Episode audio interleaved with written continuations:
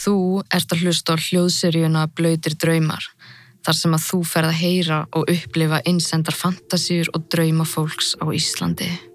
Ef þú hefur áhuga að deila með okkur blöytum draumum eða fantasíum, sendu þá á okkur á hljóðsögur at gmail.com og ef okkur líst vel á, munum við gera þátt úr því. Þessir þættir eru ekki við hæfi barna yngre en 18 ára. Komdu þér þægilega fyrir og góða skemmtun.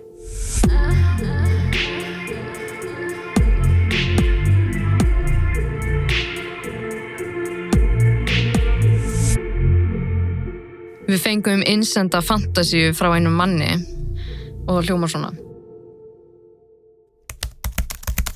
Er með svona kökkóld fantasíur, fíla að konan mín fari og hitti aðra og kemur svo vel notið heim til mín og leifir mér að taka hana tilbaka.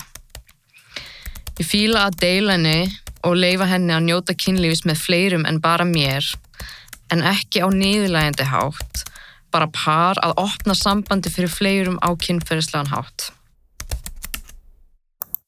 Þannig að já, ég ætla að þakka þessum manni fyrir að hafa senda okkur þetta í e-mail. Þessa kokköld fantasíu sína.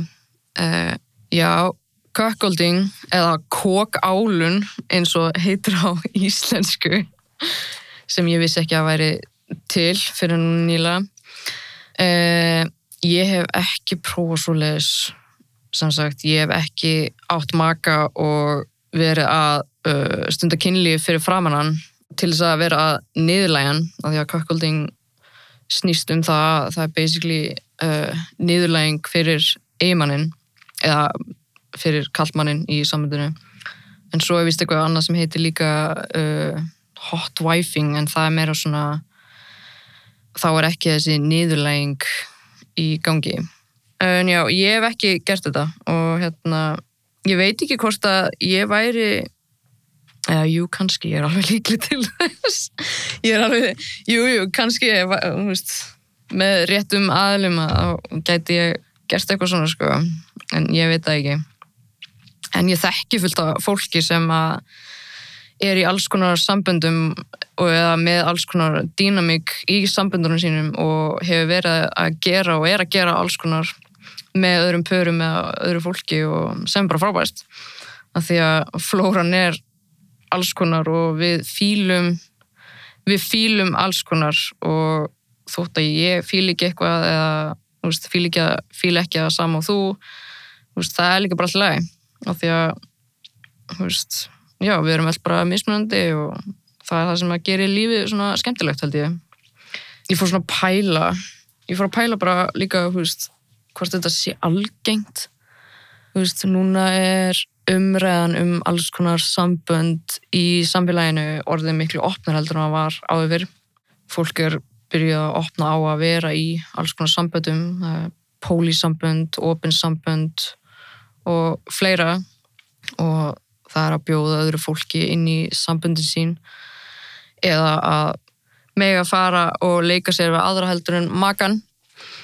Þannig að ég veit ekki hvort að þetta sé algengara en áður eða hvort að einmitt já, að fólk þorir að tala meira um þetta. Um, en mér langar að við ætlum að, mér langar að gera þannig þátt aðeins öðruvísi í dag fara aðeins í aðra átt með þetta og hérna ég ætla að ringi vini mína og spjalla við á um kakkulding og heyra svona þeirra teik á þetta Já, halló. Hæ, hvað segir þau? Hei, hei, ég segi gott. Nei, bara fínt sko. Herðu, hérna, Já, ég var að pæla, hérna, Já. að tala við um cuckolding eða hot wifing. ok. Hérna, ég spyrja þess út í það? Já, endilega. Ó, geðveikt. Herðu, þú veist, hvað finnst þér um hot wifing eða cuckolding? Þú veist, hefur gert þetta áður eða?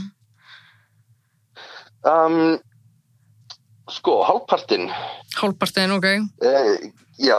Ég þarf, þarf ekki eitthvað svona, ég þarf ekki einhver svona detail, skilur, en bara, þú veist, Nei, en, en jú, ég hef einhverja, einhverja reynslu. Þessi þættir eru engungu í áskrift. Ef þú vilt heyra meira, smeltu þá á hlekkin í lýsingu þáttarins.